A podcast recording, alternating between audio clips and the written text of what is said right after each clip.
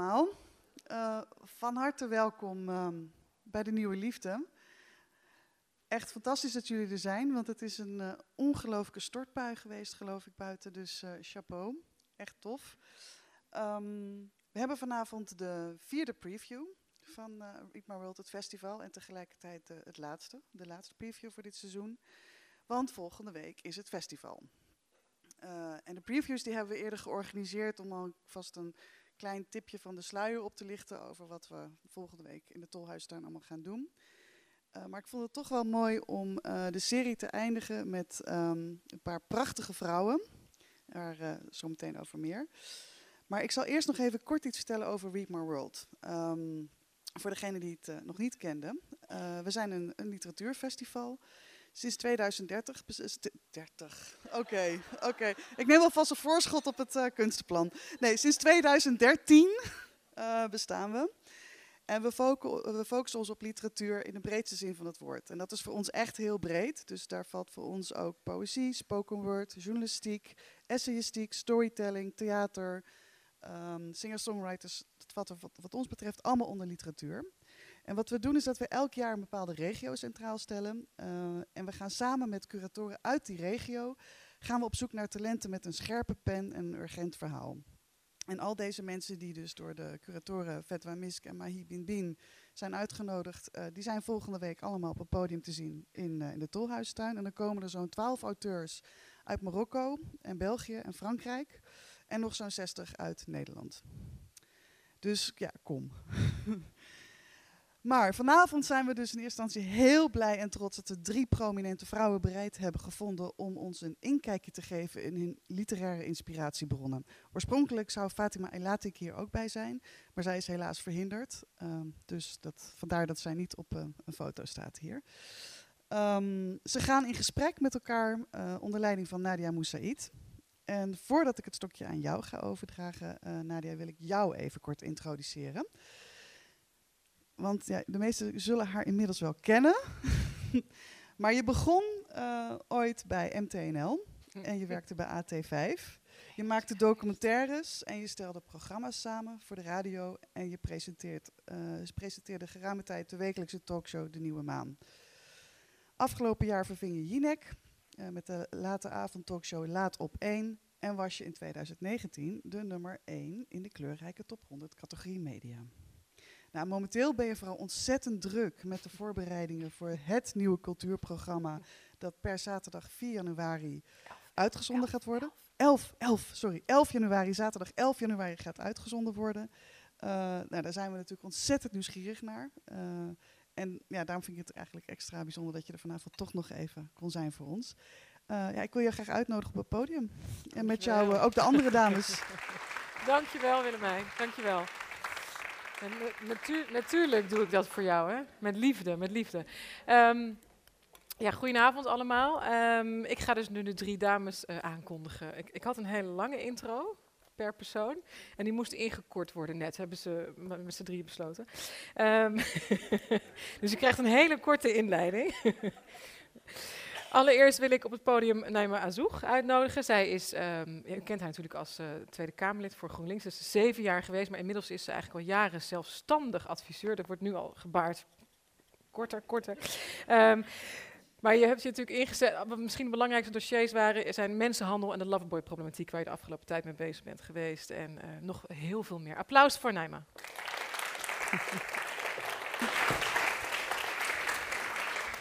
En de volgende dame is Turia Miliani. Zij is uh, op dit moment wethouder kunst en cultuur. De rest moest ik ook weglaten. En, uh, en ze was hiervoor natuurlijk directeur voor de Tolhuistuin. En ze beroert zich in de culturele sector. Applaus voor Turia.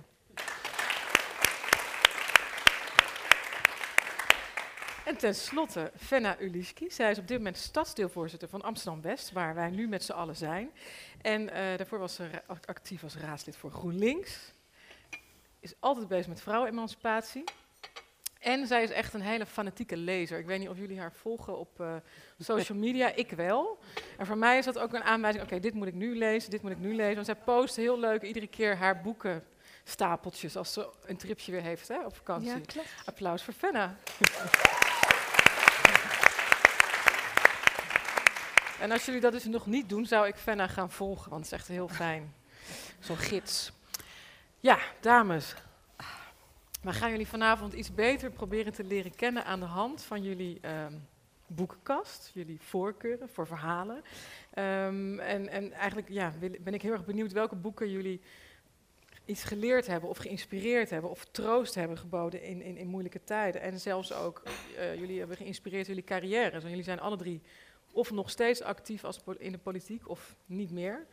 Uh, dus ik ben heel benieuwd wat daar allemaal uitkomt. We hebben allemaal stapeltjes hier liggen. Um, maar we beginnen even bij het begin. De jeugd. En Naima, jij bent met um, een jeugdboek. Nee, nee, nee, stop. We, doen, we gaan het even anders doen. Voordat we in de boeken gaan duiken, -hmm. wil ik eigenlijk weten wat boeken voor jullie betekenen. Zijn die belangrijk voor je, Fenna? Even ja, lekker heel groot. Ja, heel groot precies, een grote vraag. Ja. ja. voor mij zijn boeken heel belangrijk. Voor mij zijn boeken, uh, en bibliotheken zijn belangrijk, en boekwinkels zijn belangrijk. En boeken zijn een manier, is een manier, lezen is een manier om uh, tot elkaar te komen, om nieuwe verhalen te delen, om uit loopgraven te komen, uh, om te leren empathie op te brengen. Het gaat niet om politieke standpunten of mm -hmm. partijprogramma's, maar het gaat om echte verhalen. Uh, althans, omdat ze opgeschreven zijn, zijn ze echt. Dus ik vind boeken heel belangrijk en ik zie ook dat boeken in toenemende mate een belangrijke rol gaan spelen. En wat, ja. wat dacht jij toen je, toen je de uitnodiging kreeg? Ik ging hem even uitdoen. Je ging even de telefoon uit. Wat ja. dacht jij toen je de uitnodiging kreeg voor dit programma? Ai, ai, ai. ja, omdat ik ook een aversie heb tegen de wereld van literatuur. En, uh, maar heel, heel erg hou van taal en letterlijk, het klinkt heel erg tegenstrijdig. Ja. En dat komt denk ik door mijn eerste ervaringen uh, met literatuur, wat we natuurlijk op school moesten lezen. En er waren altijd hele zware boeken van ja, hele getraumatiseerde personen. Um, en um, ja, die in een hele andere, uit een andere cultuur kwamen dan ik. En dat moest je lezen, dat stond gewoon op de lijst. En ik kon me daar totaal niet mee, mee identificeren. En de andere kant was, is dat mijn zussen, mijn twee oudste zussen, die uh, ook dezelfde achtergrond hebben, uh, zich zeg maar, verstopten in de bibliotheek als ze geen zin hadden om naar de les te gaan. Dus mm -hmm. die spijbelden heel veel. En die gingen dan in de bibliotheek zich, om zich onder te dompelen in de literatuur. Dus, en dat betekent dat ze eigenlijk een eigen wereld van, wereld van vrijheid creëerden in de literatuur. En ik dacht, ik wil naar buiten. Ik wil niet binnen. En mm -hmm. alles wat mij opsluit, dat is literatuur. Dus ik heb mm. daar echt heel erg grote gevechten mee. Gevoerd. Dus dat was jouw associatie eigenlijk? Ja. En hoe was dat voor jou, Nijma? Nou, ik was die oudste zus. Mm. ik zat in de bibliotheek. Ik weet nog dat ik een jaar of 13 of 12 was en dat ik aan de bibliothecaresse vroeg of ik daar ook mocht komen werken, de hele dag door. Uh, nee, voor mij waren boeken vanaf een jaar of 5, 6. We hadden zo'n biepbus die in Rotterdam-Zuid bij de school kwam. En ik weet nog dat ik toen al elke week bij de biepbus boeken haalde. En uh, dat eigenlijk mijn hele leven ben blijven doen, tot aan de geboorte van mijn dochter. En sindsdien is er een grote malaise ingetreden. Lees ik veel minder boeken. Maar ik, die tijd zijn boeken mijn vrienden geweest, eigenlijk. Ik voelde me soms eenzaam als kind. En uh, boeken waren voor mij uh, niet alleen een vlucht in een andere wereld, ze waren ook vormend. Mm -hmm. Ik kan me nog go heel goed herinneren uh, met je kop in de prullenbak van Guus Kuijer. En dat ik hoopte dat uh, onze leraar mij met mijn kop in de prullenbak zou stoppen. Dat waren boeken die een andere wereld voorspiegelden, die ook een soort van vrijheid weerspiegelden. Vrijheid die veel, veel liefde en veel geborgenheid thuis, maar soms te veel geborgenheid zou je kunnen zeggen. En die boeken waren voor mij uh, ja, eigenlijk inkijkjes in andere mogelijkheden.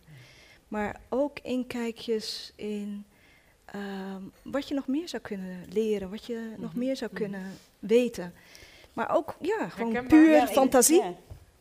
Ja, dat herken ik dus bij mijn zussen, maar ik zie dat als verstikkend. Dat is andermans leven, dat is niet mijn leven. Ik wil mijn eigen leven bepalen. Dus ik heb het Ja. heel erg zo van laten Maar met rust. je hersens gaan op reis. Ja, nee, Ze maar gaan op reis en ze zien van alles. Nee, ja, echt, het is een wereld waar je geen drugs voor nodig hebt. Je, en toch zit je in een andere trip.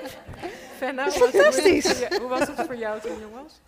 Ik, ja, nee, ik, ik deel wat Nijma zegt heel sterk. Ik, ik, eh, Ehm, boeken waren voor mij als kind heel belangrijk. Ehm, ik weet nog wel dat ik al die Kitty-boeken las. Oh ja, Kitty, ja. Kitty, Pitty. Nee, Pitty. Pitty, Oh, bedoel je? Pitty. Pitty, Kitty, Pitty, ja. Pitty. Dat op dat kostschool. De dolle tweeling. De dolle tweeling las ik ook. En ik las de vijf Ja. en zo. De vijf? Ja. Ja. sorry. Want dat we hadden gewoon niet zoveel geld thuis. Nee. En die boekenkast van mijn ouders was vrij beperkt. Dus ik las wat we meekregen op de basisschool. Ja. En, en Pitty was het. Pitty, ja. ja. En Dat was dat- geweldig, en, die ging naar een, naar een kostschool. en dan wou ik ook op een kostschool zitten. Ja, maar die kostschool was fantastisch. En zo. Ik wist niet wat matrone was. Nee. Nog steeds trouwens niet. Maar dat kwam, precies, maar er was een matrone in. Ja. En dat was voor mij, en ik had een heel ander leven, maar voor mij was dat inderdaad een soort van. ehm, eh, ik was enig, eh, ik was drie kinderen thuis, één meisje, dat was ik. En nou, een migrantengezin, gastarbeiders hard werken, eh, eh, trots gezin ook, maar ook wel ingewikkeld en moeilijk en onrustig. En, eh, bij tijd en wijle ook armoede en zo, dat soort dingen. En dat, nou ja, de eenzaamheid was aanwezig. Mhm. Dus die boeken, die gaven mij Ja. enorm veel troost. Ja, absoluut. Eh, en ik, ik, daardoor kon ik, kon ik me spiegelen, kon ik wegvluchten, kon ik, eh, als ik, als ik dat, nou ja, dat, dat, dat, wat ik niet kon verwoorden als kind, ik Mhm. had daar geen woorden voor, Mhm. Kon ik troost vinden in notabene Pitty. Ja. Ik bedoel, echt, als ik nu Nee, maar Pitty is dat fantastisch. Pitty, die kostschool, dat was een heel democratisch systeem, Er hè? was iets aan de hand Ja. met het Pitty. Ja, Pitty. politica. Er was een eh, Maar- kost...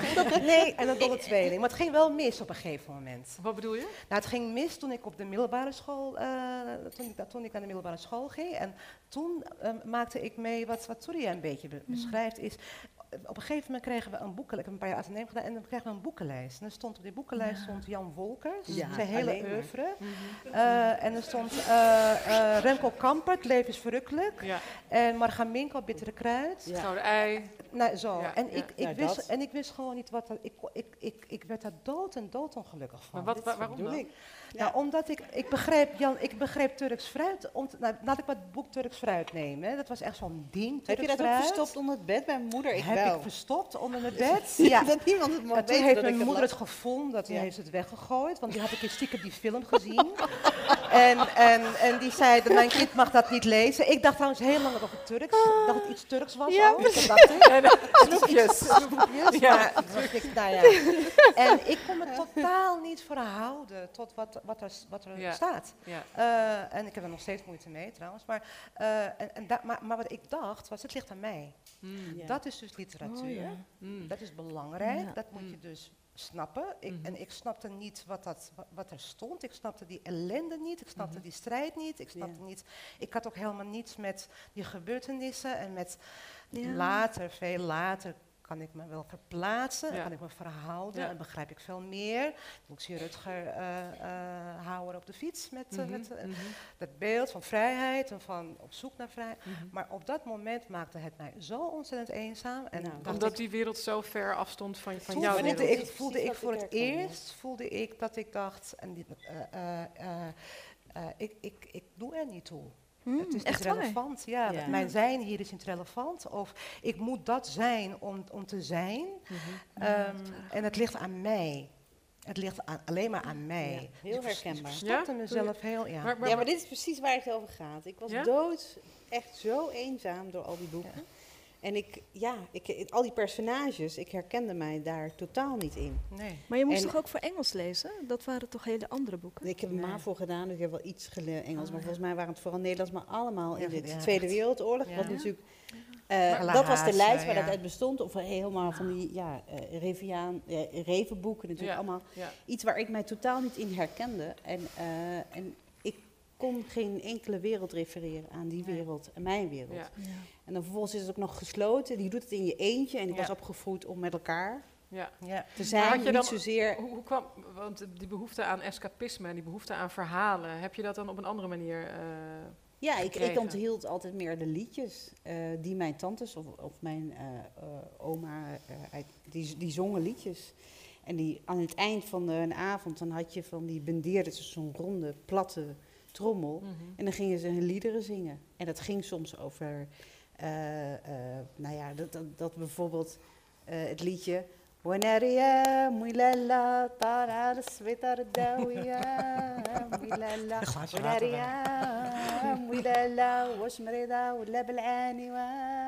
wanaria, Dat betekent eigenlijk, oh mijn god, wat gaat ze doen? Is ze nou ziek? Ze gaat naar het ziekenhuis. Nou, en dan ga je, dan ga je dus nadenken. En dan denk je, wat is dit? En dat betekent, wat daar eigenlijk gezongen wordt, is... Deze vrouw heeft onder een abortus ondergaan. Mm.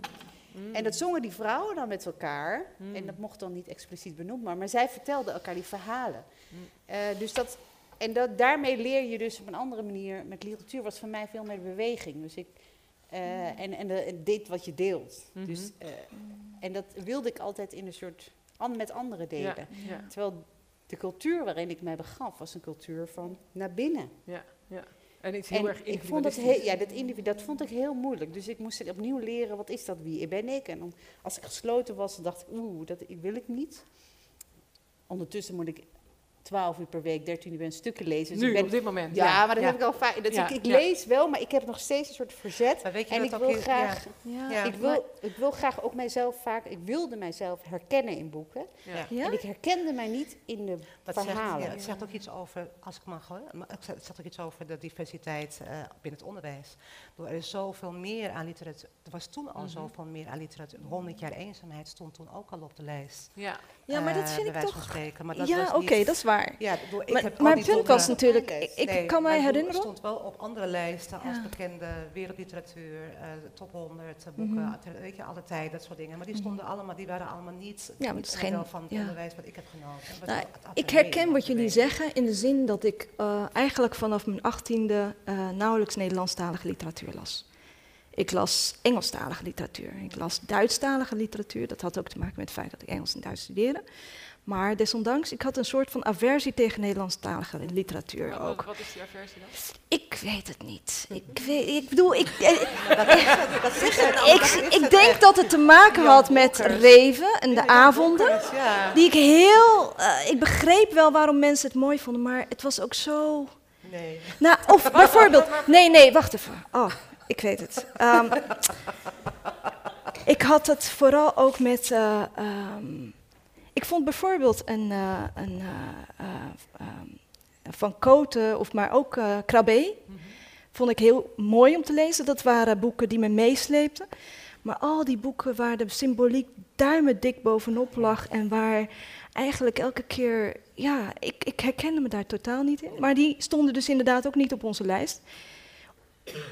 Wat ik wel weet, is dat ik een, Engel, een lerares Engels heb gehad, mevrouw Van Minnen, die mij uh, heel uh, veel liefde voor de literatuur, Engelstalige literatuur meegaf. Maar die ook tegen mij zei, ik weet nog dat ik uh, aankwam met de eindlijst voor eindexamen. En ik wilde graag die She-Woman. She-Woman? Ja, She-Devil. Hoe heet ze ook weer, de schrijfster? Ja, precies, Faye Weldon. Mm -hmm. Ik wilde Faye Weldon lezen. Ja, geweldig boek vond ik, spannend en, en feministisch en sterk. En, en zij zei, maar, dat is geen literatuur. Mm -hmm. En, maar zij was een lerares. En het was iemand met zo'n uh, choker, sjaaltje, ja. keurige tweedrok, ja. helemaal perfect. Ja. Engels. Naima, maar die wel tegen mij zei, Naima, ik verwacht meer van jou. En ik moest van haar W.H. Auden lezen of een andere schrijver. En wat zij bij mij deed was um, boeken meegeven die ik anders nooit uit de kast had gepakt, omdat ze inderdaad zwaar waren, omdat ze over de Eerste Wereldoorlog gingen, omdat ze uh, uh, van een man, vanuit een mannelijk perspectief ja. ge, uh, gelezen. Ja. Maar die mij wel. Ik heb nu ook een van de boeken die ik niet op de lijst heb gezet, maar die ik wel wilde. Het is gewoon ook. Het is niet zo alsof kan me heel goed inleven in een man als, hij goed, als het goed geschreven is. Mhm. Ja. En als het een verhaal is waar ik in mij in kan herkennen, waarin ja. ik mijn verhaal of waar ik gevoelens in herken.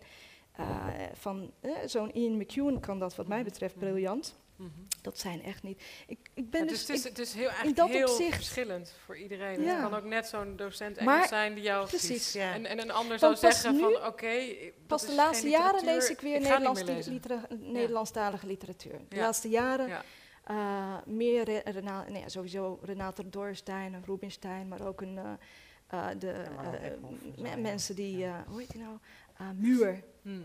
ehm, ja, ik weet even niet, maar laten we het even concreet maken. Want jullie hebben, uh, kregen ook de vraag van wat zijn dan die boeken die voor jullie veel betekend hebben? Vanaf de jeugd ook al. En eigenlijk alleen, jij kwam met een jeugdboek, uh, Nijma. Torenhoog en mijlenbreed van Tonke Dracht. Ja. Dat is de helemaal ja. ja, ik wist, het was moeilijk te kiezen, eerlijk ja. gezegd. Um, waarop, jij bent eigenlijk de enige die een jeugdboek op de lijst heeft gezet. Hè? Wat, wat, vertel het, wat is zo bijzonder of zo fascinerend aan dit boek ik, voor de jongen? Ja, ik weet, ik weet niet wat mij overkwam, eerlijk gezegd precies. Wat ik me wel herinner, ik heb het uh, destijds gelezen. Ehm, het heeft mij toen in een soort van, ja, ik meen het oprecht hè. Ik, het voelde als een psychedelische trip.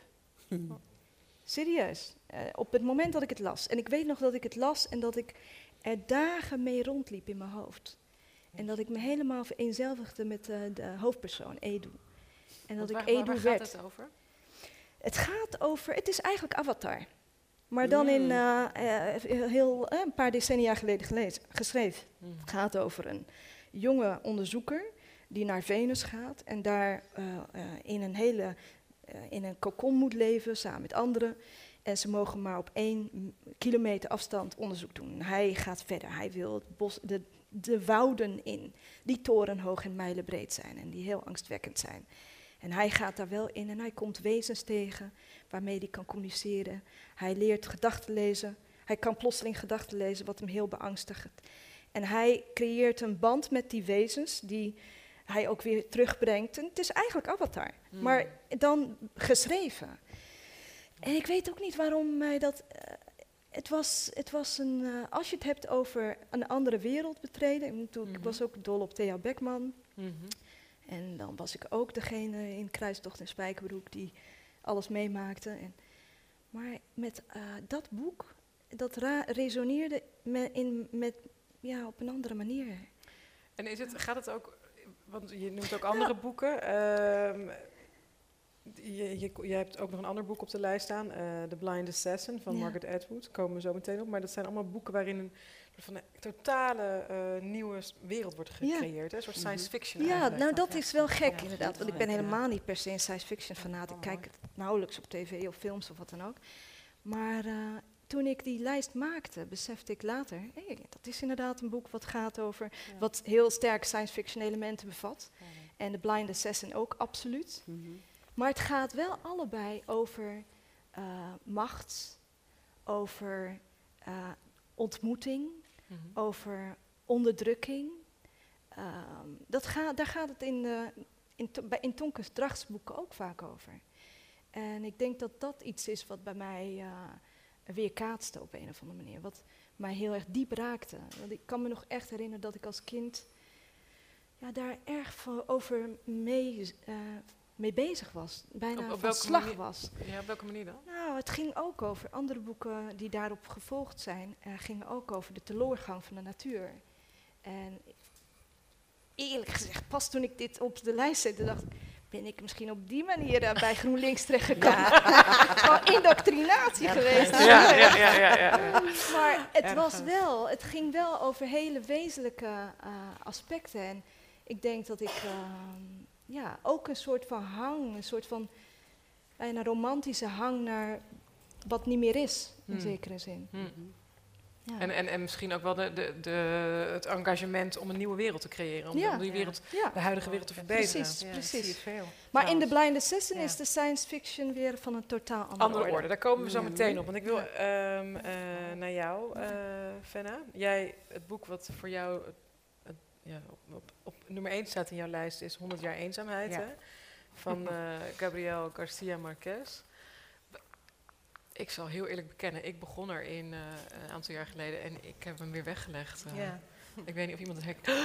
Ja, spijt me. Ik ga het nog een keer proberen. Ik ga het nog een keer proberen. maar, geen makkelijk boek, maar ja, dat zegt misschien iets over mij. Maar leg uit, waarom is het zo fascinerend? Nou ja, omdat ik dus nou ja, wat ik vertelde net over de Jan Wolkersen van deze wereld en de Rekkel Kamperten en zo, dacht ik dus heel lang dat dat het is. En dan ook dat het het enige is. En ik had niet die vrouw, die leraar, die me attendeerde op andere boeken. En, en Ehm, en, en, dan bedoel je met dat is het gewoon de, de Nederlandse verhalen eigenlijk, die zich hier afspelen. Bedoel je dat? Of heb ik je verkeerd begrepen? Dat is literatuur.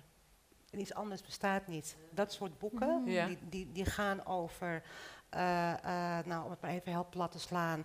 Uh, ik weet nog heel goed, in Turks Fruit is er een scène dat ik echt soort van verbijsterd.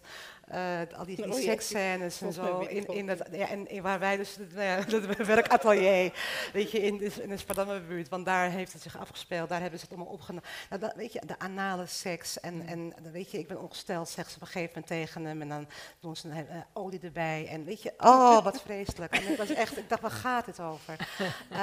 maar ik dacht dat dat het was. Ik had ook allemaal geen begrip, ik had allemaal geen idee bij wat literatuur was. Dus ik dacht, dat, dat is het. Jan Wolkers is de enige en al die anderen. En toen zei iemand, ben je gek geworden? Uh, Wie was dat dan? Weet je dat een nog? vriendin, heel hmm, lang geleden. Hmm. En die zei, ik heb een boek voor je, dat moet jij lezen. En die bracht mij uh, eh, 100 jaar eenzaamheid. En ik las het en ik was echt totaal flabbergasted. En ik heb het daarna nooit meer herlezen. Oh, maar wat, Neem eens mee dan in, in, in die nou, totale... Nou, het, het, gaat, het, het gaat, de familie Buendia, het is 30 jaar, ik ben dit jaar 50, ik ben dit jaar, ben deze week 50 jaar geworden. Het is 30 jaar geleden dat ik het las. Uh, dus ik moet het even teruggaan met de, de, familie Buendia, zeven generaties. In Colombia. Wonen in Macondo. Ja. Wonen in Macondo, dat is een belangrijk uh, idee. Macondo. En het is een, een dorp, een, een, gemeenschap, geïsoleerd van de rest van de wereld. Ik weet niet meer of het nou de hele tijd zo geïsoleerd blijft, maar in ieder geval het isolement was heel belangrijk. En, en het, het is een stam, stamboom en het zijn zeven generaties. En het is een soort van, die geschiedenis die zich maar elke keer weer herhaalt in die namen. Dus de, de, de, de namen Aureliano en José Arcadio, ik nog die komen de hele tijd terug. Mhm, mhm. Dus iedereen in, in, in, in die stamboom heet zo. Uh, of Amaranta Ursula. Iedereen heet hetzelfde. Dus, mm dus dingen komen mhm. steeds terug. Mhm. En het is een politiek manifest. Mhm. Het is een filosofisch boek. Het is een familieverhaal. Maar het is, het is ingekleurd, het is gehuld in allemaal magische beelden. Magisch realisme, toch? Dat is wat ze het noemen hier in de westerse wereld. Marquez zegt, hoezo magisch realisme? Ja. uh, waar hebben we het over? Uh, natuurlijk is het waar dat je, want eh, omdat ik het vertel, en het, want op een gegeven moment komt er ook een figuur, komt er, wat ik me nog kan herinneren, dat, dat, er is een figuur in het, in het personage en die is verliefd op een van de meisjes van die familie. Uh, en die loopt de hele tijd rond met gele vlinders om zich heen. Mm. Dus, ja, mensen die, die, ja. En die, die gele vlinders zijn er gewoon. Dus hij loopt de hele tijd rond en die gele vlinders hangen om hem heen. Maar hij bemint een vrouw en uh, zij is ziek en ze sterft en die vlinders vallen dood. Mm. En hij weet dat zij dus dood is. Na, hè, bij het zien van die vlinders die dan om hem heen zo doodvallen, weet hij, zijn geliefd is overleden. En ik neem dat aan voor waarheid. Mm ik neem dat aan. Dat er iemand bestaat die rondloopt met gele vlinders om zich heen. ik weet nog wel dat ik het een keer besprak met iemand en ik vertelde dit verhaal en die zei, wat stom. Mm. Wat een stom verhaal. Het bestaat toch niet dat iemand met vlinders om zich heen loopt? Het ging heel, zeg maar, heel eendimensionaal ja, en jij, vindt die, en jij vindt die vraag niet eens relevant eigenlijk? Ik vind het niet relevant. Ik vind het te beperkt. Ik vind het mhm. eenzijdig. Ik vind het eendimensionaal. En ik vind maar belangrijker nog is, is dat het waarom het mij zo aantrok en waarom het mij zo raakte, is omdat ik me ertoe kon verhouden. Omdat mijn familiegeschiedenis is totaal niet die geschiedenis, dat is het niet. Maar in mijn familiegeschiedenis speelde ook heel veel van die van die dingen, van die gebeurtenissen, die als je ze vertelt in, in de rationele wereld waarin we nu leven, dat mensen naar je kijken en zeggen, nou dat flauwkul. dus ik heb bijvoorbeeld in een familie heb ik een oom waarvan iedereen uh, dacht en vond dat hij bezeten was. En dat nam ik ook op een gegeven moment aan. Ik wist wel dat het anders was en ik vond ook wel dat de man zorg nodig had. Die kreeg hij ook wel. Maar de man vindt je doen. Ja, hij was bezeten. Ja, ja, uh, uh, weet je, en dat zijn van die, van die, van die gebeurtenissen die, uh, um, die, nou ja, die me mensen creëren op een gegeven moment verhalen, mythes, mm -hmm. rituelen, um, de kracht van verbeelding om met elkaar door te gaan, om elkaar vast te houden, soms ook gewoon pure achterlijkheid. Mm. Um, naar aanleiding van politieke verhoudingen, van mhm, machtsverhoudingen, mhm, van, van verschillen. Uh, soms ook voor de, voor de, de liefde voor, voor verhalen. En dat is wat het is. Ja, en dat herkende en dat herkende heel erg ik heel sterk in dat, boek. En dat was, dat, dan, dat was ook echt de eerste keer dat je zo dat, dat gevoel zo, zo, zo verloor in... in uh, het, het eindigt ook heel tragisch. Uh, neven en nichten, de, de oermoeder, die, die, die, die zegt op een gegeven moment: Ik wil het niet hebben dat neven en dat familieleden met mhm. elkaar en neven en nichten met elkaar trouwen. En dan krijg je varkenstaartjes, kinderen met varkenstaartjes. Ah.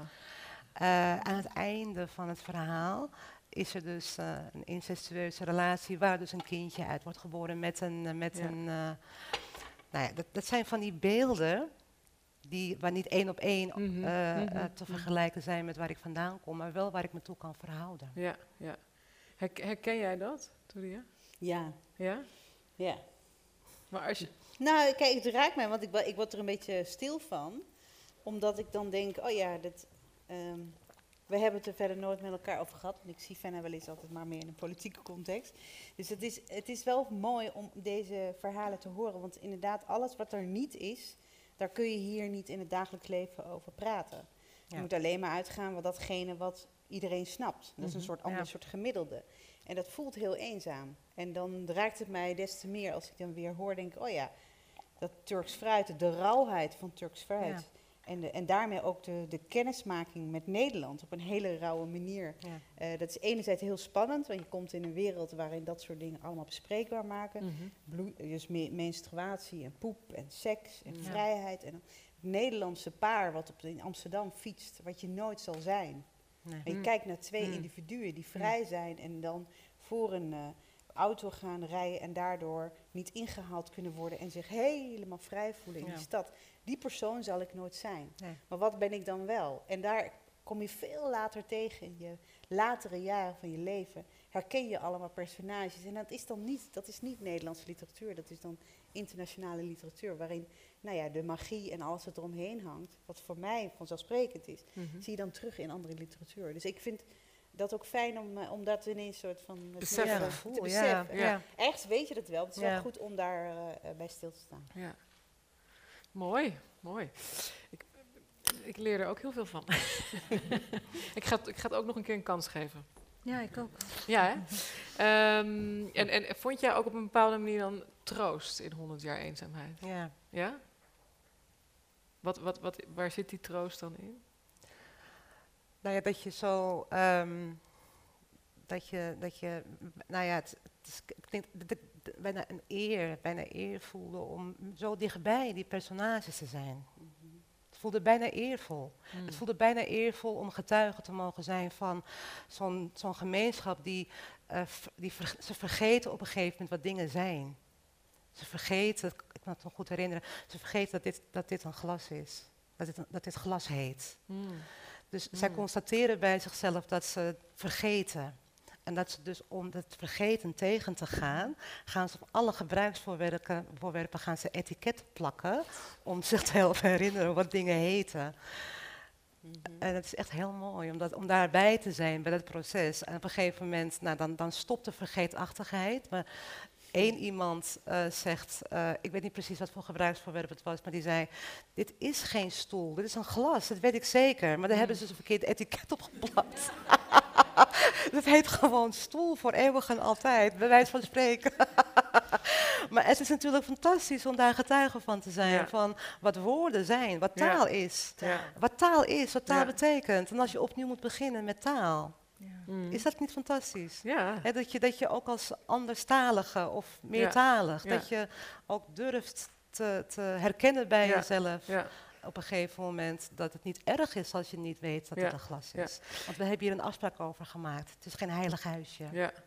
Nee, voor, voor, persoonlijk, ik, ik, ik ben jullie, ik interview jullie, dus het gaat niet om mijn boekenlijst. En ik heb hier ook, ook wel over nagedacht. En ik vind het heel moeilijk om favoriete boeken te benoemen. Maar dat Donna Tart, ja, het klinkt echt super stom, maar dat was voor mij een boek. Dat is een beetje een soortgelijke klik eigenlijk. Want het is gewoon een, is een eng, eng verhaal, zo'n groepje jongeren wat helemaal afdrijft. Uh, um, maar er zit op een gegeven moment een stukje in dat, dat, dat, het zo ontzettend eenzaam is dat je eigenlijk, ook al ben je zo close met iemand, met je geliefde jarenlang.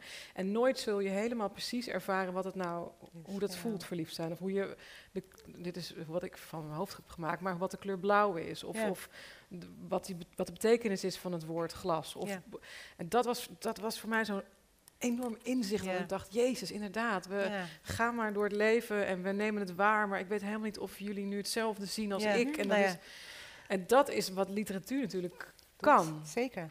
Mooi. Om het een klein beetje beter te begrijpen. Ja. Goed. uh, ja. Ga verder met, uh, met begrijpen. Um, ja. Herken je dit? Ja? Ja, ja? Alles. ja. ja absoluut. Ja. We, hebben, we hebben ook wat fragmenten nou, ik, Ja, ik wilde eigenlijk nog even over taal hebben, want je, dat zei jij. Mm -hmm. Voor mij is taal natuurlijk geen letters. Uh, de taal die we spreken, kijk, dat hele tijdje kunnen, nou ja, je leest dingen, daardoor zie je prachtige zinnen die geformuleerd worden. Mijn weerzin nogmaals, hè, mm is dat je boeken moest lezen waarbij je dus, uh, nou ja, uh, bergpaadjes en aflopen en daar een mooie top. En ik haatte dat. Ik wilde gewoon directe taal. Gewoon, de taal is namelijk iets directer. En het herkende dus de manier waarop geschreven werd, dat is voor mij al heel belangrijk. Hoe zinnen vorm kregen. en ik merk gewoon dat ik altijd literatuur zoek waarin ik een soort directheid mm. voel. Terwijl ik niet in een hele directe cultuur ben, maar in taal moet dat wel op een bepaalde manier vormgeven. En ik merkte dat de laatste keer wel nog, nog niet uit, maar dat boek van Broer van Mahir is een Turkse jongen die een, mm. over de, taxi, de Syrische taxichauffeur, ja. Uber-chauffeur speelt. En zijn broertje is weg naar Syrië. En hij leeft nog met zijn vader. En dan zie je in het laatste epiloog, uh, zie je waarom hij dat boek heeft geschreven. En de manier waarop hij schrijft, is het gaat razendsnel, zo direct. En hij uh, peilt het verhaal niet af, maar in de directheid van de taal begrijp je waar het over gaat. En dat is wat, wij hier vaak doen in Nederland, afpellen, begrijpen, filosoferen, nogmaals praten, opnieuw bekijken. Terwijl je hoeft niet altijd alles uit te leggen, je kan ook de juiste woorden gebruiken hmm. om te begrijpen wat je met elkaar zegt. Dus ik, ik, ik probeer, dus ik kan niet tegen ellenlange geëmmer in boeken, tussen bospaadjes. En daar zoeken en dan nog. Dus dat heeft te maken blauw, alle de kleuren blauw. blauw. Oh, dat interesseert me helemaal geen En, en dat is vaak, vind ik, ja. Dus ik heb dat. Um, is dat niet heel Nederlands? Ja, maar dat is niet per se Nederlands. Nee? Wat jij beschrijft, die directheid, dat vind je soms bij sommige schrijvers juist heel sterk. nee, maar ik bedoel de Nederlandse directheid over bloed, seks ja, nee, en zo. Dat is niet de directheid die ik zoek. Ik, bedoel, ik heb het over een ander soort directheid. Ja. En ik doe eigenlijk dat de schrijvers de afgelopen jaren, die je ziet met een hele diverse achtergrond, veel met de taal spreken die ik snap. Hmm. Ja. En dat betekent dat zij niet per se in staat zijn om zich te verhouden tot allerlei vraagstukken in de samenleving, maar hun, via hun ervaring in het leven de grote vraagstukken aanraken. En dit vond ik een van de boeken waar ik, vond ik dat. Ja, Broer. Ja, ja. prachtig. Hebben heb ik niet eens op het lijstje. Nee, staat niet op het lijstje. Sorry. Ja. Maar jij, jij, ik, ik, zit er een beetje, ik vind het heel, ik, ik zit er een beetje na te denken hoe. Ik heb ook, ik kan me nog herinneren, Isabella Allende las ik toen ik oh, studeerde voor het eerst. En dat was ook voor mij eh, die, die wereld die zij beschreef, was een wereld die heel herkenbaar was. Hm. De, de warmte, de gehechtheid, maar ook de bekrompenheid, de, de beklemmendheid hm. van die cultuur die ze beschreef. En ook dat ma ja, magische, ik ben het helemaal met je eens. Er zijn gewoon zoveel aspecten uh, waar ik mee ben opgegroeid, die ik voor een deel voor waar acht. Omdat ik ze misschien soms zelf een beetje zo heb ervaren. Maar tegelijkertijd denk ik ook van, nee, ah, nee. ik vind zo nee. Nee? Want ik heb ook boeken gelezen. Oh, ik heb uh, Pet, een boek, uh, Pet Boeker heet ze geloof ik. Um, Pat Barker, ja. Pat Barker, over de Eerste Wereldoorlog. Mm. Een trilogie. Ja. En die gaat over um, uh, de, de, uh, uh, de soldaten, de officieren die rechtstreeks de loopgraven ingestuurd werden als kanonnenvlees. En ze, ze, neemt daarin een aantal personages op, onder andere de dichter. Ik kom nu even niet op zijn naam. Ja, precies. Er is iemand die alles ligt. Ja. Ja, seizoen. Ja, seizoen. Hmm. ja. Goed, ik weet het niet meer precies. Ik kom er nu even op. Maar ik kan me wel herinneren dat ik die trilogie ook heb gelezen. En dat ik. Ehm, ik, ik zou het heel. Uh, ik vond dat ook een wereld waarin ik wegzonk. Ja. En waar ik heel erg door geraakt werd. En dat was een hele andere wereld. Het was niet mijn wereld. Maar het, was wel, het waren wel universele thema's. Ja, dat is het verhaal. Ja. Om even naar een andere wereld te gaan. Um, we gaan gewoon heel even een, naar een klein clipje kijken. Handmade Still. I was asleep before. That's how we let it happen. When they slaughtered Congress, we didn't wake up. When they blamed terrorists and suspended the Constitution, we didn't wake up then either. Now I'm awake. My name is Alfred. I had another name. Ladies, I have to let you go. It's the law now. They needed to do it this way. All the bank accounts and the jobs all at the same time. You imagine the airports otherwise? Run, run, run! No, please, please don't take her. No! You girls will serve the leaders and their barren wives you will bear children for them.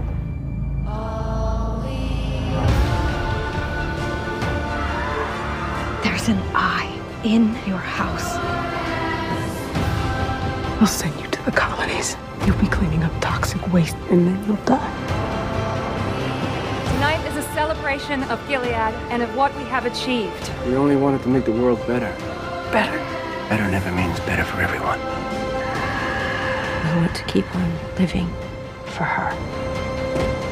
Remember your scripture. Blessed are the meek. And blessed are those who suffer for the cause of righteousness.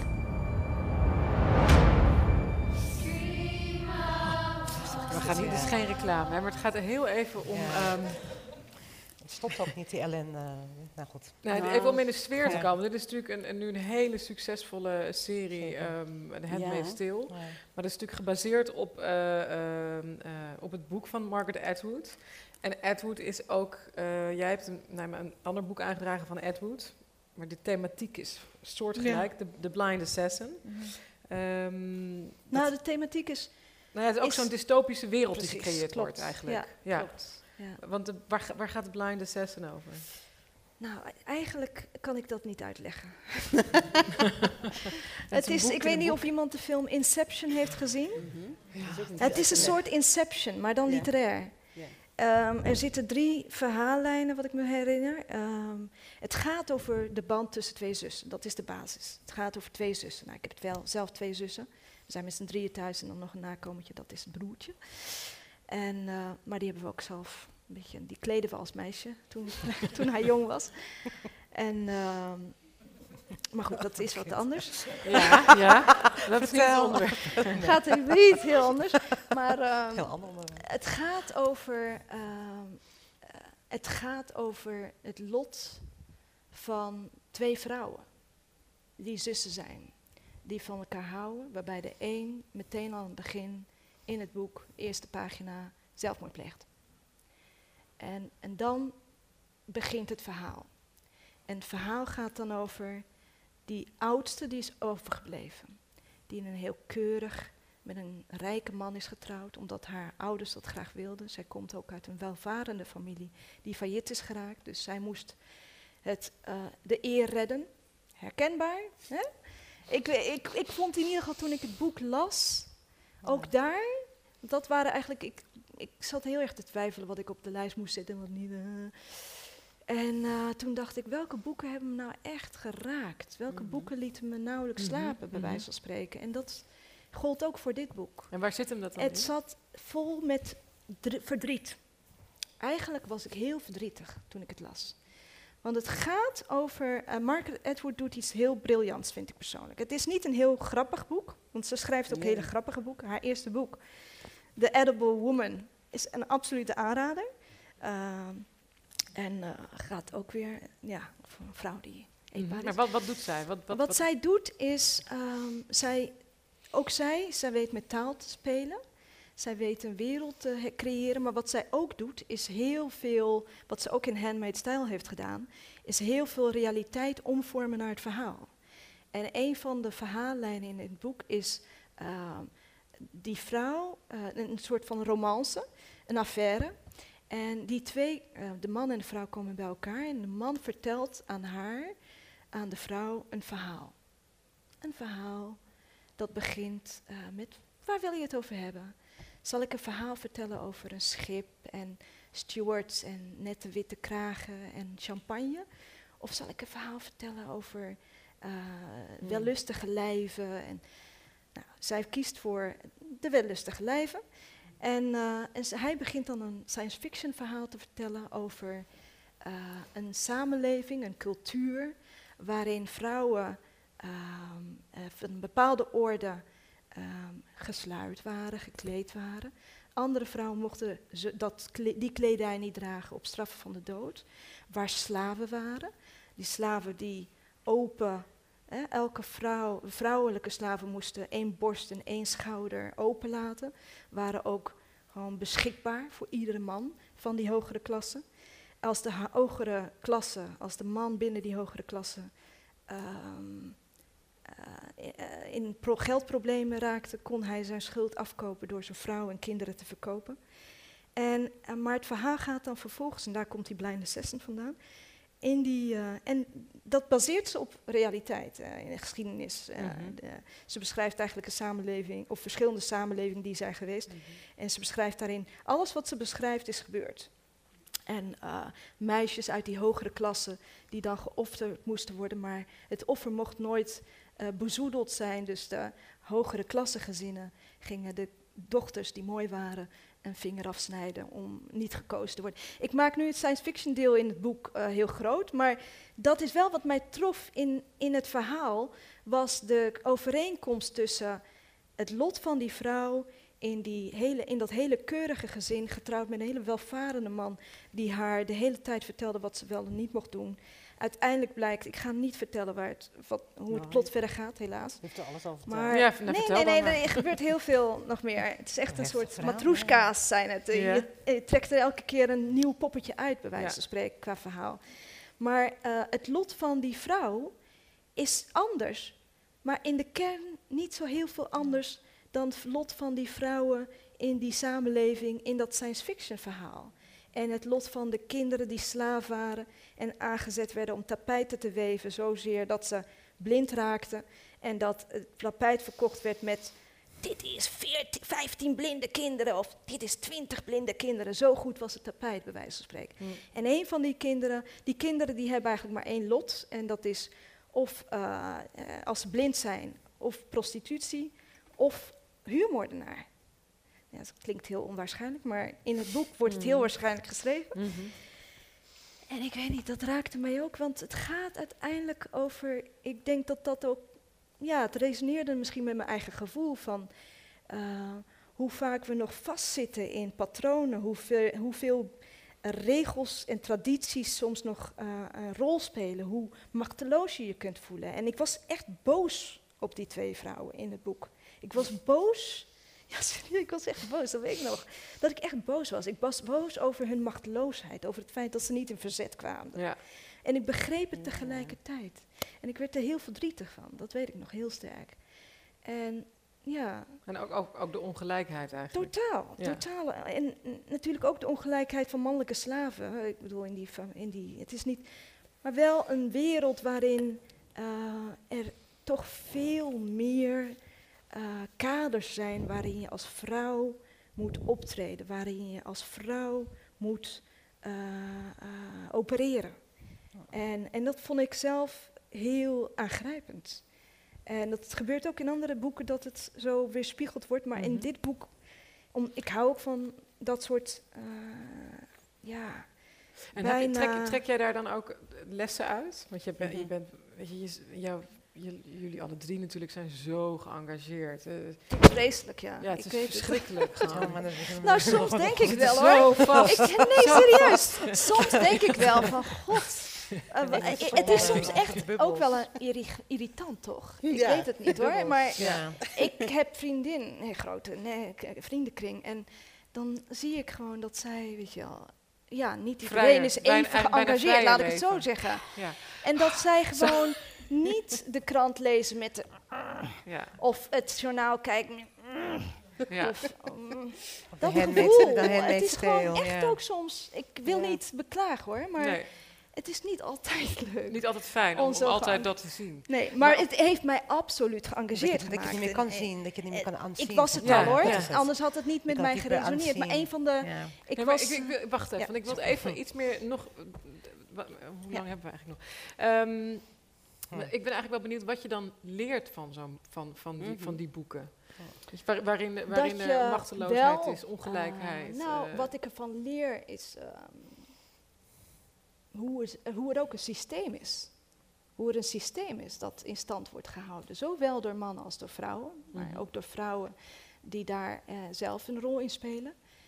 wat ik ervan leer is hoe belangrijk het is om die machteloosheid toch af te werpen en iets te doen, wat dan ook. Maakt niet uit hoe klein je gebaar van rebellie is. Het is een gebaar van rebellie. En wat ik ervan leer is hoe belangrijk het is dat uh, dit soort boeken geschreven worden. Ik vind het fantastisch dat er nu een Handmade Tale op televisie is. Want daardoor maken mensen ah, Edward mee. En ik ben een groot fan van haar werk. Op een hele andere manier. En ik hoop dat ze dan ook het boek gaan lezen. Mm. Want dat is... Of al haar boeken, uh, liefst. Maar in al haar boeken spelen vrouwen uh, een belangrijke rol en gaat het over hoe vrouwen zichzelf ja, uh, vermommen. Hmm. In zekere zin. En hoe ze zichzelf ook wel een beetje verminken. Hoe ze hun identiteit verminken, hoe ze hun persoonlijkheid verminken. En uh, ik vind dat nog steeds relevant. Het is nog steeds van toepassing. En haar boeken hebben niet voor niets, zo'n handmade stil is niet voor niets, resoneert dat met ontzettend veel mensen. Ja, wereldwijd. Omdat we dat zien. En let wel, in Handmade Stil, ik heb het ook gelezen. En ze heeft het dan op een bepaald moment over, hè, de dames gaan, als ze gaan boodschappen gaan doen, gaan ze naar vlees. Hè, vlees 5 of zo. Dat is de winkel waar ze naartoe gaan. Het heet niet slagerij, de boer of uh, uh, Abraham, uh, bij wijze van spreken, om de hoek. Uh, om de hoek. Nee, het heet vlees. En dat is, heeft ze opgepikt. Um, en ik heb in, uh, in, uh, Oost, in uh, Berlijn en Leipzig gestudeerd. En ehm, in communistische tijden, en ook in Moskou, hadden winkels, had, hadden winkels ook zo'n term. Hè? Die heette niet, die heette vlees. Die heette melk. Daar ging je heen voor het vlees, daar ging je heen voor de melk. Dus ook dat soort elementen zijn niet op fantasie gebaseerd, ze zijn op realiteit gebaseerd. Dus dat is wat ik zo krachtig vind aan haar als schrijfster. Is dat ze die realiteit, of dat nou de Hittieten zijn uit uh, eh, 3000 voor Christus, bij wijze van spreken, tot aan uh, hoe er in Moskou boodschappen werd gedaan. Zij weet dat te vertalen naar een literaire realiteit die angstwekkend futuristisch lijkt, maar tegelijkertijd ook weer niet. zij, ik vind haar eigenlijk een soort van Cassandra, uh, hoe zij schrijft. En ik vind dat zij al in, ja, in haar, al haar boeken, 86 schreef, werd, uh, werd uh, The Handmaid's Tale geschreven. Het is nog steeds heel relevant. En dat, ja, daar word ik heel erg gepassioneerd over. Ja, precies. Ja mooi bruggetje naar, uh, naar vrouwen. Hè? Want um, jij hebt um, Fatima Menisi op de lijst gezet, Fenna. Maar ook uh, Laila Ahmed. Nee, dat, nee, dat was jij ook. Ja. Weer, ja, sorry. nee, nee, nee. nee. vrouw. Maar dat gaat eigenlijk over sterke vrouwen, rolmodellen. En, en, en dan uh, Saïda Men Menebi komt wel van jou dan, hè? Ja. Die, die, uh, laten we even bij Fatima Menisi dan beginnen. Waar, waarom Fatima? Fenna. Waarom Fatima? Ja, Fatima achter? Nee. Even, even, Waarom Fatima? Ja, ja. ja. Nou, ik, toen ik toen uh, Willemijn uh, contact opnam en zei: Vertel mij welke boeken hebben indruk achtergelaten, hebben gevormd. Toen dacht ik gelijk aan Menici. Maar tegelijkertijd dacht ik ook: alweer Menici of zo. Mm. Weet je, weer Menici. Maar het is, het is ja, weer Menici toch? Fatima Menici overleden in 2015. Verhalen vertellen, onderzoeker, sociologe. Uh, heeft een enorme rol gespeeld in het Arabisch feminisme, of het islamitisch feminisme. Heeft vrouwen teruggebracht naar het hart van het sacrale. Mm Heeft uh, de islam geclaimd als onderzoeker en schrijver. Religie geclaimd, het mhm. sacrale geclaimd. Om vrouwenrechten opnieuw te mhm. beschrijven en uit te dragen. Heeft fantastische boeken geschreven. Heeft Verboden Doctoras mm -hmm, heeft ze geschreven. En het gaat over een harem. Ja. Die uh, totaal niet lijkt op de harems die, we, die in Europa worden beschreven. Precies. Want ze heeft het uh, fragmentje gedeoriëntaliseerd, wou ik zeggen. Ja. We hebben een fragmentje, ja. een, een, heel oud fragmentje van Menissi. Oh, we kunnen ook daar kijken. Maar ik had dat boek meegenomen, precies. The woman painted in the harem by Ingres, Matisse, even Picasso They are all nude women and very powerless and sitting, you know, like this or, or sleeping or something. In the Muslim men's harem, the, the women are always fully clothed and they are armed.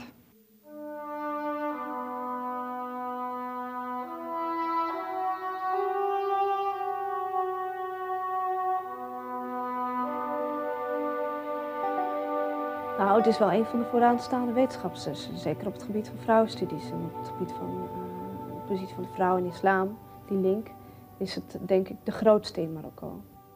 Zij heeft me teruggebracht bij mijn roots, waar veel mensen, haar in Marokko in ieder geval, haar vijanden daar of tegenstanders, haar van beschuldigen de jeugd te verwijderen van hun roots, te verwijderen van de islam. waarom zeggen ze dat? dat ze... Nou, omdat ze te liberale interpretaties heeft. Ja, sorry, ik vond het zo leuk om ja. dat Lang geleden. Hele. Oh, is dat goede oude ja, tijd? Dat, was even, ja, sorry. Mooie tijd, ja. Ja, ze is ook vaak naar Nederland gekomen. Hè? Ja, ja ze is echt een hele bijzondere vrouw. Ken, ken jij Manicio? Ja, ik heb volgens mij één boek, heel lang geleden, maar ik weet dat Sultanus. Ja. Dat hebben jullie? Ja, ja zeker. Ja. Ja. Ja. ja, maar dan heb ik, uh, ja, ik ben daar niet zo van. Door geraakt. Nou, wel, maar dat was niet echt een roman. Het was natuurlijk echt veel meer een uh, onderzoek ja, naar de, ja. en de vrouwverhalen naar boven ja. haalt. Dus het is iets waar je gewoon voor moet, moet gaan zitten. Maar niet zozeer een roman waar je dus ingetrokken werd. Dus dat is iets waar je dan af en toe openbladert. Dus dat heb ik, heb ik niet echt heel erg in verdiend. Is dat heel erg? Kijk nee, nee, nee, nee, nee, Niks is erg. Zij heeft, Niks zij, is erg. Nee, maar zij heeft mij geleerd wat, wat, wat, het, wat uh, de openbare ruimte betekent. Ja. En wat betekent In relatie tot vrouwen en seksualiteit ja. en het patriarchaat. Ja. Uh, dat heeft zij heel veel vrouwen geleerd. Zij heeft heel veel vrouwen bewust gemaakt van wat er gebeurt in de openbare ruimte. Mm. Dat is wat achter de sluier voor mij betekent. En dat doet ze niet alleen maar door in theorie te schieten of interpretaties van religieuze -hmm. teksten, maar dat doet ze ook door zichzelf te, te een, een, haar, haar, eigen leven te beschrijven. Mm. Ik liep door de markt en toen gebeurde er dit. En ze, bes, ze beschrijft, in al die boeken begint ze altijd met dit soort, weet je, dit soort verhalenkasten, mm. haar eigen, waardoor het heel erg herkenbaar wordt en dichtbij komt. En bij dit verhaal, achter de sluier, wat, wat, wat mij zo raakte hier, is dat, uh, dat de sluier, de, uh, ze, ze, beschrijft, uh, even op hoofdlijnen, en ik, ik zal vreselijk chargeren, mm -hmm. maar het gaat om, ze gebruikt Freud, Sigmund Freud, de, grondlegger van de neuron, en, en Gazelli de, een belangrijke theoloog, een belangrijke denker in het islamitisch denken. En ze gebruikt die twee denkkaders, mm -hmm. dus het westerse denken vanuit Freud en het islamitisch denken vanuit Al-Ghazali, gebruikt ze om, om te, te, te, te beschrijven hoe, de, hoe er nagedacht wordt over seks en seksualiteit, -hmm. vrouwelijkheid. En ze constateert dat in het westers denken vanuit Freud, mm -hmm. dat de vrouw een passief wezen is. En dat die passiviteit, dat die, nou ja, ook een gevaarlijk ding is. En dat bij El Ghazali dat de vrouwelijkheid een agressieve, actieve uh, grond heeft in het vrouwelijkheid. En dat die getemd moet worden. Dus in islamitisch patriarchaat is het fitna een belangrijk concept. Mm -hmm. Fitna betekent chaos. Mm -hmm. uh, dus uh, als, uh, in tijden van crisis, dan is het verbod op drank en op vrouwen. want vrouw is onrust en is chaos. Mm. wat ze dus zegt dat is, toch, is... is toch ook waar? Ja, dat is, dat is helemaal waar. Ja. is dat gewoon een beetje mijn... Ja. ja, dus als er een crisis is, dan moet je die vrouwen, moet je dus, wat, wat Margaret Atwood uh, de hele tijd beschrijft. Uh, en, en, of ja, en, en drank, die twee dingen. Uh, en wat ze dus zegt is het sluieren, een ontsluieren van vrouwen. Hè, dus dat, het, dat, dat de, de vrouwelijke seksualiteit wordt gezien als een gevaarlijk ding. Ja. Als een seksualiteit is mannelijk. mannen mogen zich vrij bewegen, mogen zich, kunnen zich vrij bewegen mm en kunnen ook op een natuurlijke wijze omgaan met seksualiteit. Mhm. En vrouwen in de openbare ruimte, of het nou hier is in Europa of in uh, de Arabische islamitische wereld, dan gebeurt er iets. En dat beschrijft zij. En dat is heel, heel mooi hoe ze dat beschrijft. Maar ik denk ook heel nuttig, omdat het heel veel leert over waar we staan als vrouwen. Uh, en wat, wat seksualiteit betekent. Uh, en ik vond dat echt een van de belangrijkste boeken als het gaat om uh, ja, wat mij heeft gevormd en wat mij ook ertoe heeft gebracht om uh, in de vrouwenbeweging actief te worden. Ja, want dat heb je natuurlijk ook heel lang gedaan. Dat heb ik heel lang gedaan, ja. Ja. En dat heb je natuurlijk nu nog helemaal niet losgelaten. Heb ik nooit meer losgelaten, nee. Ja. Maar het, het, het, ingewikkelde is, als je het eenmaal ziet, dan kun je het niet meer ontzien. Weet je? Nee, als je het is ook heel irritant, want overal zie je het, dan denk je, de, je ziet toch wel dat, weet je wel zo. Ja, uh, dus op het moment dat we in Amsterdam een, een, een, ingewikkeld gesprek hebben in de Amsterdamse Raad een tijd geleden over de, de, nou wat bekend geworden werd als het CIS-verbod. Mm. Ja, dus als vrouwen worden nagefloten, dan moeten we een boete opleggen. Nou, dat werd een enorme discussie in de Amsterdamse Raad, uh, drie, vier jaar geleden. En het ging heel erg over een bepaalde groep. Uh, maar ondertussen was er in de openbare ruimte, bij mij nog van de Kinkstraat, uh, waar ik dan vlakbij woon, hingen overal abris van het pakkenmerk Suit Supply. Ja. ja, ja.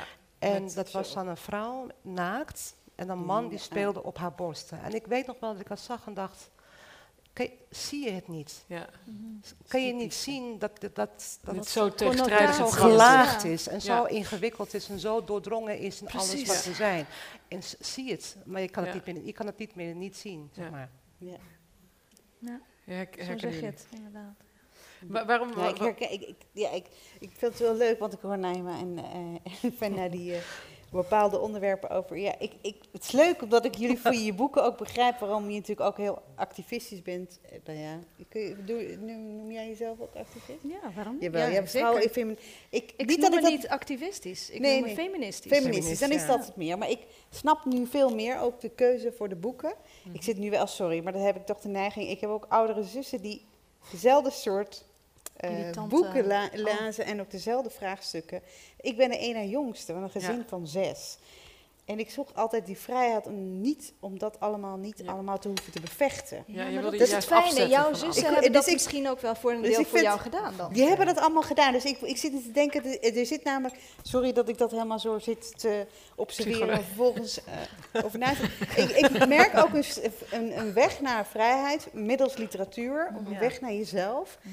En waarbij ik gewoon mijn oudste zussen herken, die dat allemaal deden, een soortgelijke boeken, soortgelijke keuzes maakten. En daardoor ook die strijd begeven, niet alleen van hunzelf, maar van hun voorouders, ook in de stad, en, en, en een positie nemen en daardoor zelfs hun carrière of een weg naar een werkend leven zo hebben gemaakt. Mhm. De ene anders dan de andere, maar en ik, ik, heb, ik heb dat niet hoeven doen.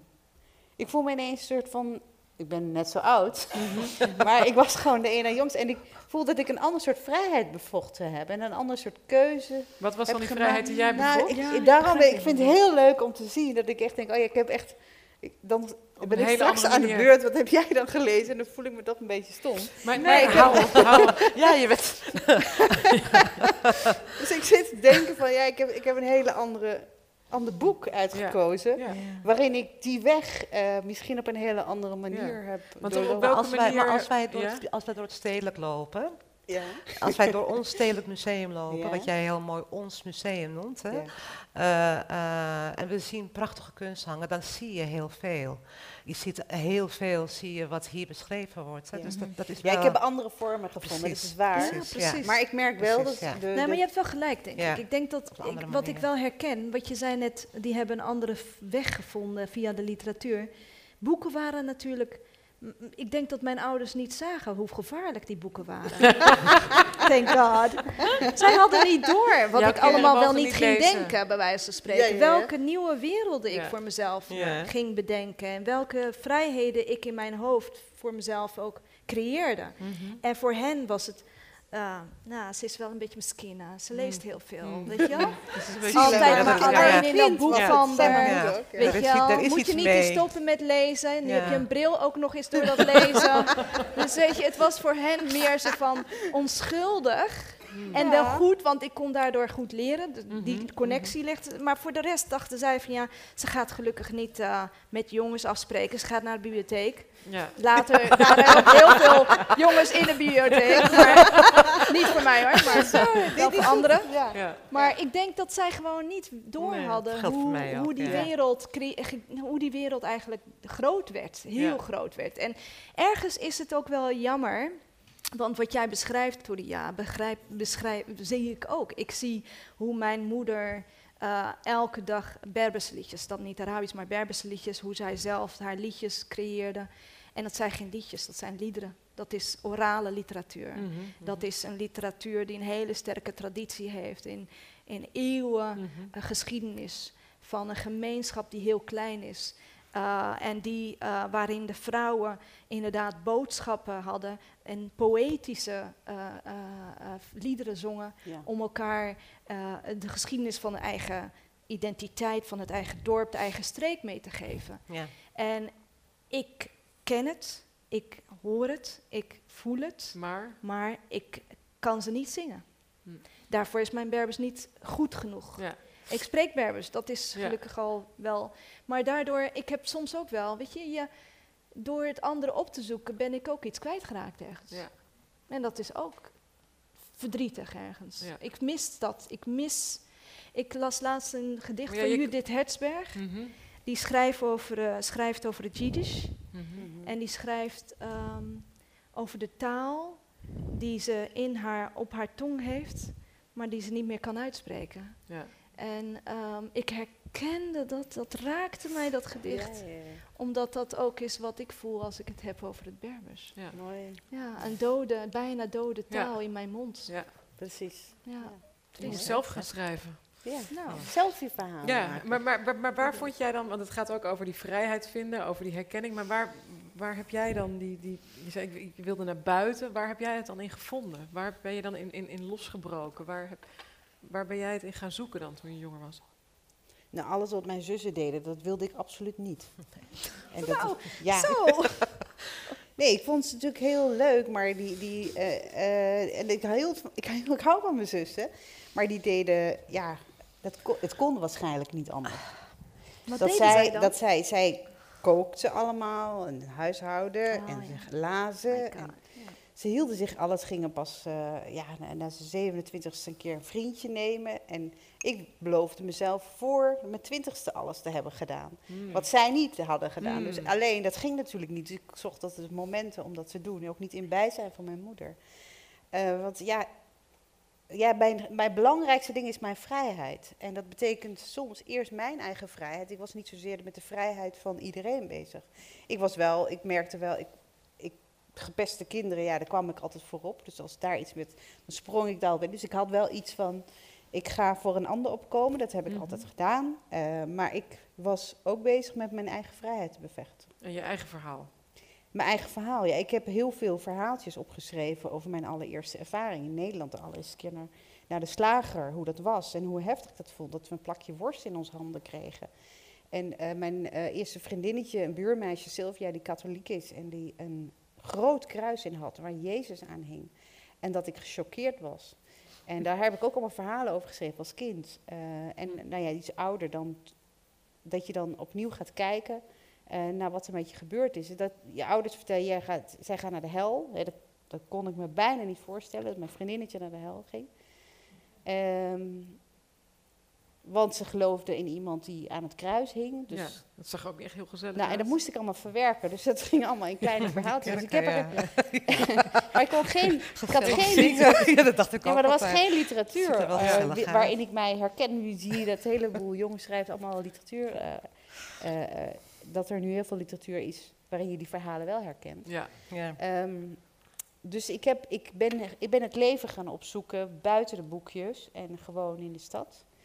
En ik, hou me, ik heb denk ik heel erg van de anonimiteit uh, ben ik gaan opzoeken. Ja. Alles wat het collectief was, waarin je samen moest doen en samen dus, ben ik uiteindelijk heb me erg losgemaakt en in de stad gaan wonen en uh, eigenlijk net gedaan of ik geen familie meer had. Dat heb ik eigenlijk gedaan. Uh, en dan word je dus wethouder. dus, ja, en, dat, en, en, en dat was.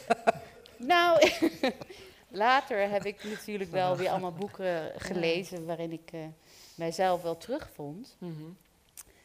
um, maar ik was niet zo keurig, laat ik ja, het zo zeggen. Ja, La laten, we, laten we, ik ga even een sprongetje maken. We, we gaan naar, jou, naar jouw uh, boek, want jij hebt The Fountainhead uh, ja, gekozen.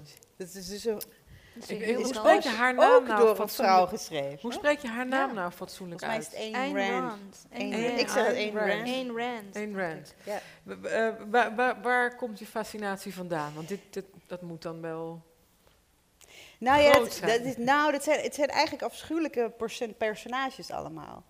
Uh, dus in die zin heb ik nog wel geprobeerd met alle personages te vereenzelvigen. En de een is, dat is eigenlijk de hoofdrolspeler, is een, een architect die, soort van, die zichzelf als de schepper ziet. Mm -hmm. Laat ik het zo heel plat zeggen.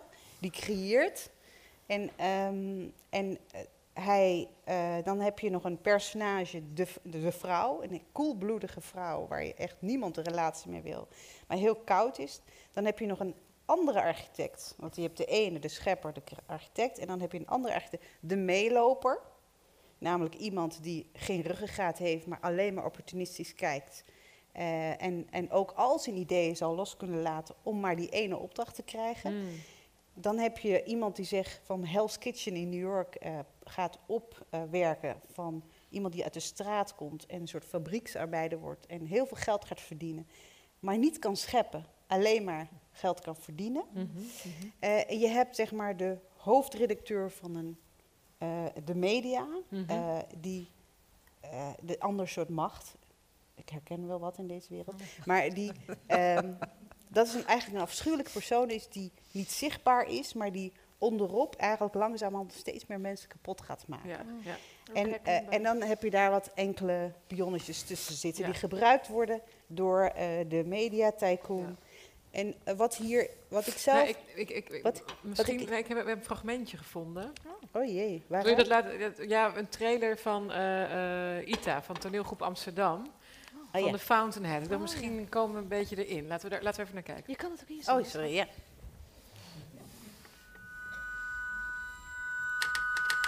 Waarom wil iedereen toch dat ik dit als grootste architectuur beschouw? Waarom? Wetten. Eeuwige wetten. Wetten, wetten. Hier zijn mijn wetten.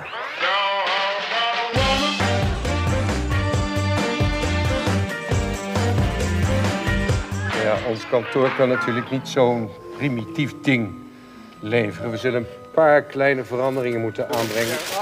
Smeerlap, bedelaar, mislukking. Jij in je eentje tegen het hele land. Jij in je eentje tegen alle anderen, maar mij maak jij niet bang.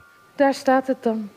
Het Enright-huis. Het gebouw is een hoon aan alle gebouwen van de stad en aan alle mannen die ooit bouwden.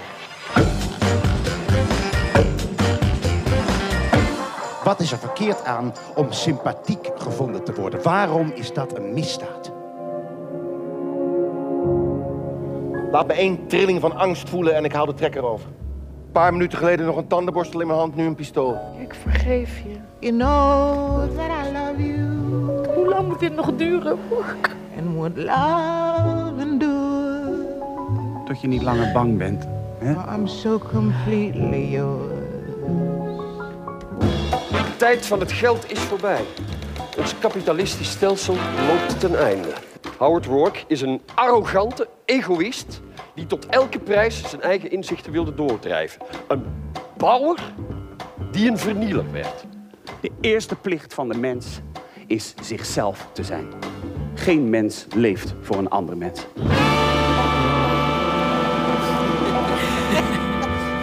Ja, ik dacht het helpt even voor de verbeelding.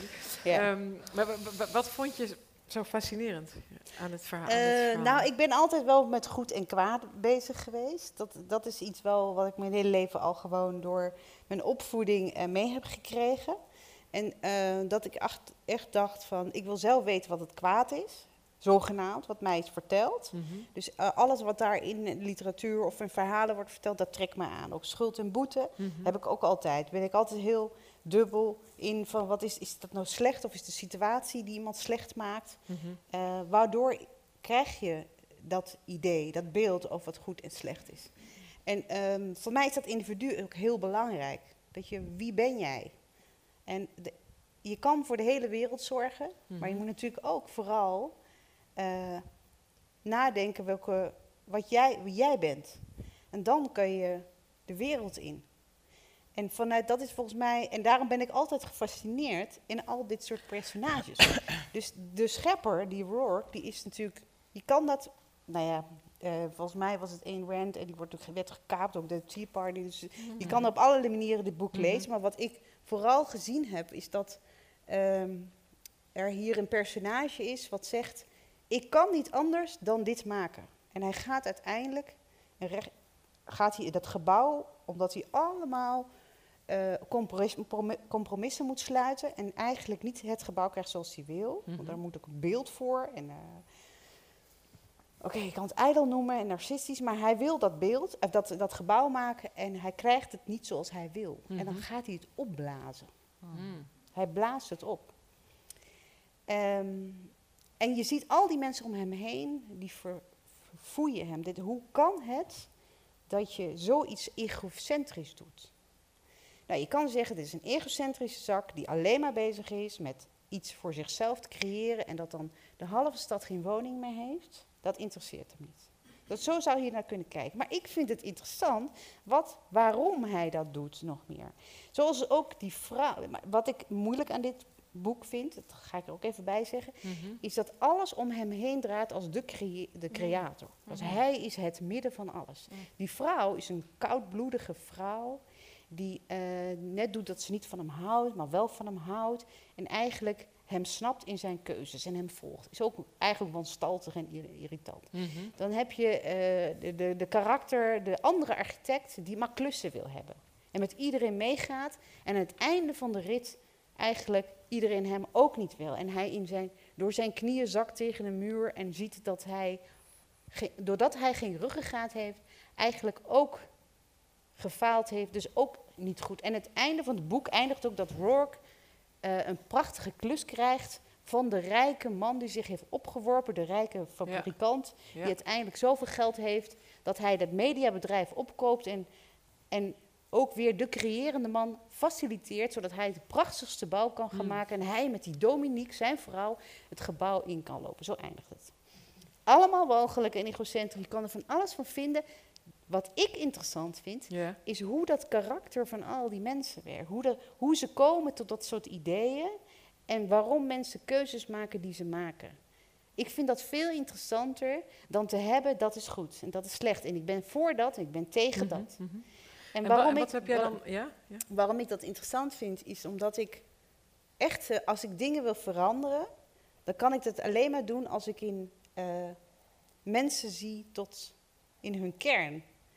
Want ik kan niet zeggen, jij bent niet goed en ik kies voor dat. Ik wil weten waarom iemand doet. Ik ben niet bezig om dan die persoon helemaal te veranderen, maar ik wil wel weten waarom mensen die keuze maken. En, uh, en ik geloof ook dat creëren heel belangrijk is. Maar dat Waarom? dat niet het enige is. Omdat, mm. omdat ik echt denk dat sommige dingen um, moet je niet. Je moet niet overal alles willen besturen. Soms is creatie heel fantastisch, maar in dit boek is dat heel erg uitvergroot en is het eigenlijk naar, omdat het allemaal gaat om hem draait. over vrijheid dan? Dat, het gaat dat over creëren hem. zo belangrijk is? Ja, ik denk Ja. dat dat. Ja, ik denk dat ik in vrijheid Ja. wel.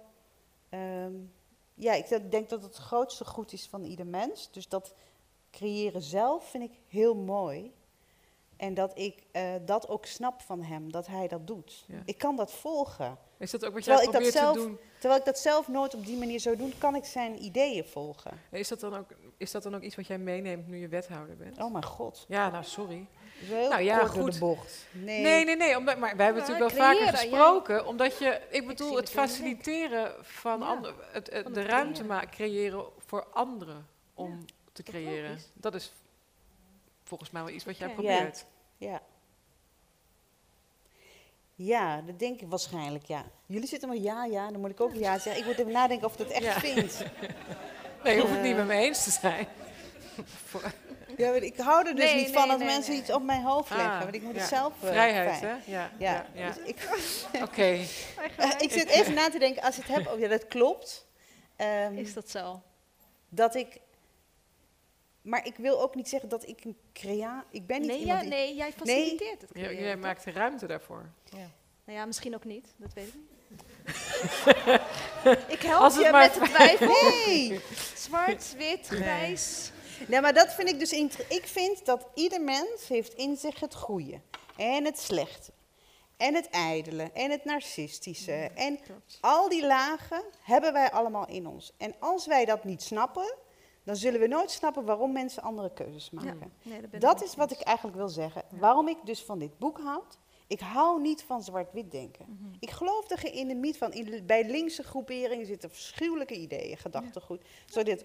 En, en, het- dus ik, ook al ben ik links, links, ik wil alleen maar zeggen dat ik pas als ik de mens ontmoet Ja, en ik daar tegenover sta en met diegene in contact ben, dan weet ik wat er, wat er speelt. Ik, Tot die tijd ga ik niet lopen voor een algemeen verhaal. Dus daarom vind ik, wat ik mooi vind aan dit boek, worden al die personages allemaal uitgeschreven. En dan kom je ineens in al die werelden terecht en dan ga je je verhouden tot die wereld. En dat is de wereld waarin ik leef. Ik leef niet in een aparte wereld los van anderen. Ik leef in een wereld waar heel veel verschillende mensen zijn. En ik ben iedere keer benieuwd. Als ik mij verhoud tot ieder persoon, dan pas weet ik daarin te handelen. En dat is, denk ik, eh, wat ik mijn hele leven heb gedaan. Nou, dat is mooi gezegd. Mooi. en eh, hebben, jullie dat, ehm, om, om even het brugje naar politiek te maken, hè, want, want dit, dit zijn dan een soort van levenslessen eigenlijk die je daaruit haalt ook. Hebben heb jij ook lessen in je, in je politieke carrière eh, gedestilleerd uit alle boeken die je leest, Fenne? Nou, toen ik, toen ik eh, heel boos was en heel jong. Heel jong? eh, Nu heel jong en heel ouder en boos. boos? En op, op, op de wereld en op mijn ouders en op God en op een, nou zo. Toen, ehm, en, en, en me ook nou ja, aansloot, klinkt heel zwaar, maar nou ja, mezelf nou, met, met mensen omringde die, die hetzelfde dachten. Dus dat je in een soort van nou ja, onder een setting terechtkomt dat ik, dat ik het, eh, ik, want ik volg heel goed wat Toria zegt. Op een gegeven moment voelde ik, ehm, heel, eh, voelde ik, ik kan niet tegen dogma's. Mm. Ik kan er heel slecht tegen.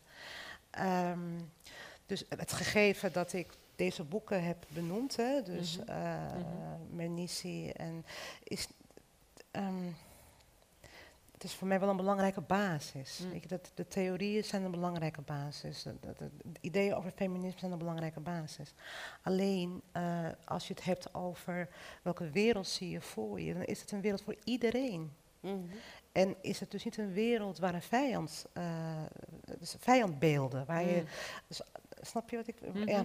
Dus eh, eh, eh, we z- rancune binnen de politiek is een, is een gevaarlijk goed.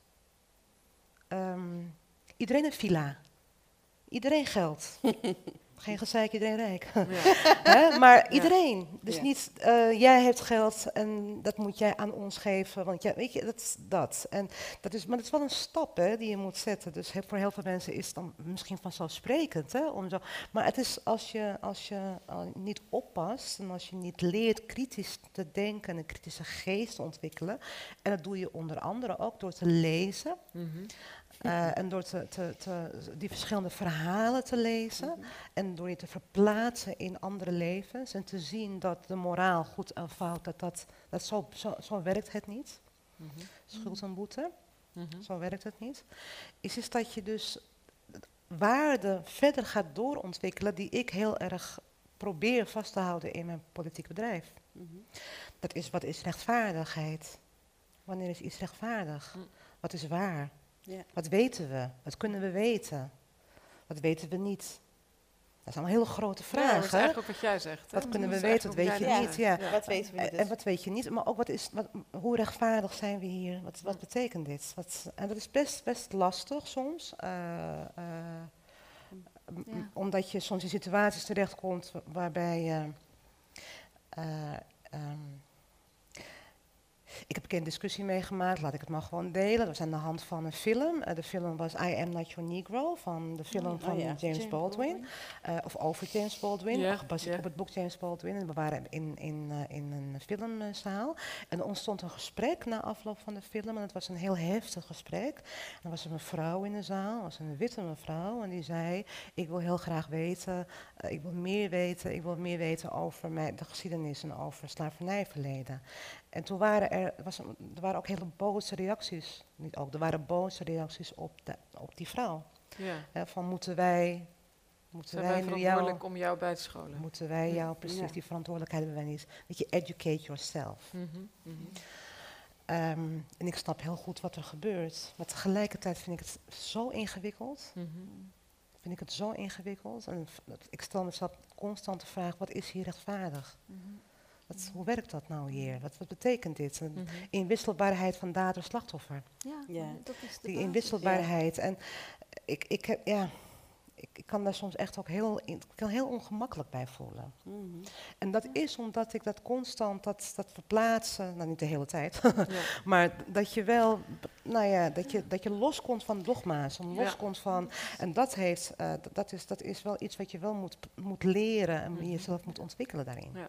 Ja, dat is ook denk ik de kracht van literatuur. Zeker. Ik denk dat um, goede, litera eh, goede literatuur, een goed boek, brengt je in verwarring. Geeft je twijfel. Mm -hmm. En ik, het is niet fijn, het is niet altijd even prettig, maar het is wel heel krachtig uiteindelijk. En een van de, de, het ene boek wat ik ja, nog op de lijst had staan, dat was, is geen uh, fictieboek. Maar het was wel een boek waarom ik het op de lijst zette, was omdat dat mij heeft uh, uh, geleerd anders te kijken naar de geschiedenis van vrouwen in de islam. En, welk boek heb je? Uh, Women in Islam van uh, Leila Ahmed. Mhm. Want wat daarin gebeurde en wat zij beschreef was um, weer een systeem. Mm -hmm. En waarin um, um, goed en fout door elkaar lopen. Ja. En een van de uh, hoofdstukken gaat over de koloniale tijd in Egypte. En zij beschrijft dan hoe uh, ja, in die tijd uh, vrouwen, we hebben het over patriarchaat, we hebben het over mhm. openbare ruimte. Vrouwen waren daar niet welkom, mochten daar niet zijn, niet zichtbaar zijn. En als ze er waren, droegen ze sluiers. Um, en toen uh, ontstond er een beweging van ontsluieren, discussies. het was best heftig, wel in, denk ik, ja, de hogere in wat rijkere uh, elite en uh, hogere klasses. Maar wat er gebeurde was dat er van onderop, uh, was tegelijkertijd was er een koloniaal heerser, een gouverneur vanuit Groot-Brittannië, die in, Egypte, in Groot-Brittannië een groot tegenstander was van de suffragettenbeweging, mm van het kiesrecht voor vrouwen, mm -hmm. maar die in Egypte de, deze beweging voor het ontsluieren van vrouwen omarmde als teken van het beschaving brengen mm. aan deze achterlijke moslims. Mm. En uh, deze vrouwen moeten bevrijd worden van de islam. Mm. En, en toen werd de hoofddoek een politiek symbool. Ja. Ja. De hijab werd een politiek symbool voor zowel de beweging van onderop van strijders, onafhankelijkheidsstrijders, mm. tegen de Britse koloniale overheersing. Mm -hmm. um, en daartussenin dus ook die feministische strijd voor vrijheid van kiezen voor een sluier. En daartegenover zo'n groot, uh, groot Brits Rijk dat het misbruikt ja. en inzet tegen de bevolking. Ja. En daar zie je dus dat wie is dader, wie is slachtoffer, wie heeft, uh, waar gaat dit over? Ja. En hoe de vrouw en, en, en het symbool wat vrouwen met zich letterlijk met, met zich meedroegen, onderdeel werd van een politieke, historische strijd. Zoals altijd. En Ja. dat vond ik zo fascinerend. Maar wat, w- w- Ja, dit, dit, dit zie je natuurlijk op allerlei levels. Het Precies. is eigenlijk de hele tijd. Zie je nu er- ook weer. Maar wat is dan de les? Kun je, heb jij daar Er dan... zijn heel veel lessen.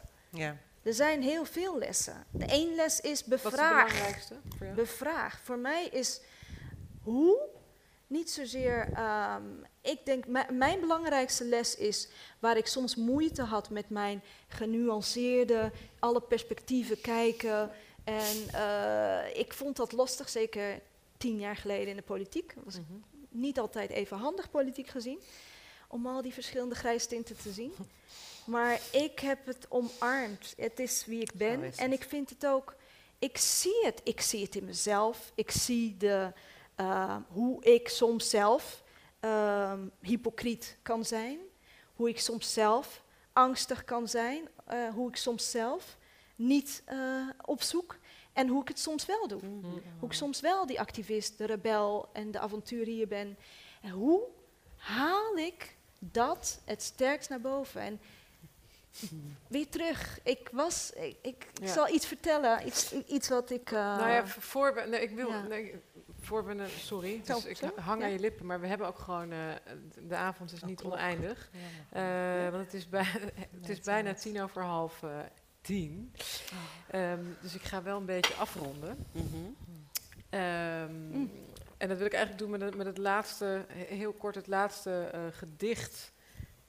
Eigenlijk, nee, ja, een gedicht wat voor jou belangrijk is geweest, hè, Fenne? Ehm, Ik kijk naar het scherm. ja, het is heel misschien eigenlijk, kunnen ja. we hem nog zien van, eh, over Saïda Menebi. Daar gaat het toch om? Oh ja. Ja. Nee. Ja, wie, even, even eerst. Wie is deze vrouw? Wie was deze vrouw? Zij was een Marxist-Leninist. Is gestorven in Marokko in de jaren van Lood. Eh, eh, is, hij kreeg zeven jaar gevangenisstraf en is gestorven na eh, hongerstaking. Van de gevolgen van de hongerstaking is vreselijk gemarteld. Ehm is een hele moedige vrouw. Eh, en zij staat voor mij symbool. eh eh, zij en al die, al, die, al die andere vrouwen uit die periode en mannen. Ehm, eh, het heeft heel erg veel indruk op mij achtergelaten. Heb ik wel eens met jou gedeeld. Ja. En ik bedoel daarmee te zeggen dat ehm, eh, als ik dat lees, als ik lees hoe ze dat hebben doorleefd, hoe de jaren waren toen in Marokko. Eh, het is nog steeds niet goed, maar dat Mhm. was toen echt een andere periode. Dan is dat, eh, ja, dat heeft echt een enorme indruk op me, op me achtergelaten. Echt met gewoon het gevaar voor eigen leven. En nou ja, zij is dus overleden daaraan. Ja. Ehm, Abdelatif Labi is een, eh, een, een, een meneer, die is dichter, schrijver, woont in Frankrijk. Eh, eh, was eh, haar tijdgenoot, heeft ook vastgezeten en is uiteindelijk vrijgekomen door maatschappelijke politieke druk van buiten. En hij heeft een bundel samengesteld van grafredes, ver- verloren activisten. Onder andere Saïda Menebi, maar ook Evelien Sarfati trouwens. Oké. Denk ik, ja. De zus van Abraham Sarfati. Mhm. Ja. Eh, ehm, en ik, toen ik dat boekje in mijn handen kreeg, de zeven martelaren van de dood. Ik heb het bij me. Ja, ja, hier. De geschiedenis van de zeven martelaren van de hoop. Ja. Het is echt een, dingetje. Weet je, het is met typemachine. Hm. Het is echt jaren Geweldig. 70 of zo. Eh, komt van het Kaman. Ja. Oh, maar god, ja. komt van het Kaman. En ik vond, kreeg Heel het zo. En Dat is echt ik lang dacht, geleden. Ja, dat is echt heel lang geleden. En ik las dat en ik dacht, het ligt maar hier op een stapel. Maar hemel. Wat, wat is Ja. het dan, mijn hemel? Nou, ik heb mijn leesbril niet bij me.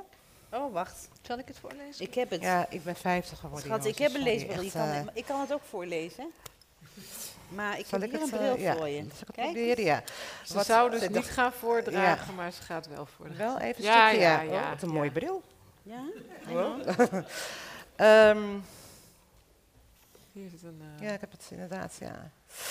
Even kijken. Dat is niet die. Verkeerd gedaan. Die. Ehm, Ja, daar ga je. Nou, je praat. Of je wordt gedood. Ze hebben je vermoord. Je had niet gepraat. In drie gewone zinnen, zonder koorleider, zonder koor, zonder theater, nog toeschouwers, zonder tussenkomst van de goden of hun aanwezigheid. Daar is zij, de tragedie. Je praat of je wordt gedood. Ze hebben je vermoord. Jij hebt niet gepraat. Even, uh, dat, nou, dat, zijn al die grapredens bij elkaar. Maar, dat, dat maar het is, het is fenomenaal. Het is een, het is een, een geschiedenis het is een, een, uh, van ons, ja. van, van ons allen hier, uh, die we lijken te vergeten, maar die erg actueel weer wordt. Ja. die, die gaat over die gaat over politieke strijd in Marokko. Die mhm. gaat over wat mensen hebben opgeofferd, hun mhm. levens. Mhm. Die gaat over wat het betekent, wat, wat, de jaren van lood betekenen. Wat Hassan II heeft ja, gedaan. Ja. wat, wat, wat het betekent als je aan samenleving niet plek geeft aan de memorie. De ja, dus als je eigenlijk, eigenlijk de, de, de, deze mensen niet eert. Dat bedoel je? De geschiedenis. De geschiedenis. De herinnering. Ja. De herinnering. En je kan door als je weet wie je bent. Je kan door als je begrijpt waar je mhm, vandaan komt. Mhm. Dan kan je bouwen aan weten. En als je dat niet weet, als je dat niet deelt, als je daar niet over praat met elkaar, ja, dan bouw je iets wat gebaseerd is op. Zand, drijfzand. op heel veel, ja. Lucht. Heel veel lucht. Heel veel couscous, heel veel kleur, heel veel Marokkaanse schoenen, heel veel kettingen, heel mm. veel mooie strandfoto's, Instagram, heel veel. Maar er is echt meer aan de hand. Ja. Uh, en het land is prachtig. En het land is dat allemaal. Is heerlijke couscous, prachtige kettingen, mooi goud. Kom er graag. Uh, maar er is zoveel meer. En dat, dat, dat hele beeld, dat is iets wat we niet mogen vergeten. En het klinkt vrij pathetisch, maar ik ben daar echt, als ik dat lees, denk ik, ja, dat zijn levens, die zijn... Waarom raakt dat jou zo? Nou, omdat ik weet dat niks vanzelf gaat hierdoor. Hè, dus uh, niks gebeurt vanzelf. Dat is ook wat Margaret Atwood vertelt, mm -hmm. wat, wat Nijmen beschrijft. Het, wat mooi is, is kwetsbaar. Alles wat kwetsbaar is, is mooi. Dus daar moet je je voor inzetten. Lucebert was dat en, dat, en dat is echt, ja, dingen als democratie en mensenrechten en, en rechtsstaat en zo klinken heel mooi, maar zijn lelijk als ze museaal worden. Mhm. Worden heel lelijk als ze achter een vitrinekast komen te staan. Uh, en als je niet meer weet wat het betekent om daarvoor om dat te doorleven. Mm -hmm. dus, uh, en misschien om daarvoor te strijden ook. Ja. Om daar op onze manier voor te strijden. En ik hoop toch echt dat we niet dit soort dingen nog hoeven ja. mee te maken. Maar wel dat je dus uh, in je alledaagse gang van zaken, zonder te vervallen in die dogma's, want mm -hmm. ook dat is vreselijk, uh, maar in je alledaagse gang van zaken oog voor wat rechtvaardig is en wat schoonheid is. Dat is een prachtig einde. Echt waar.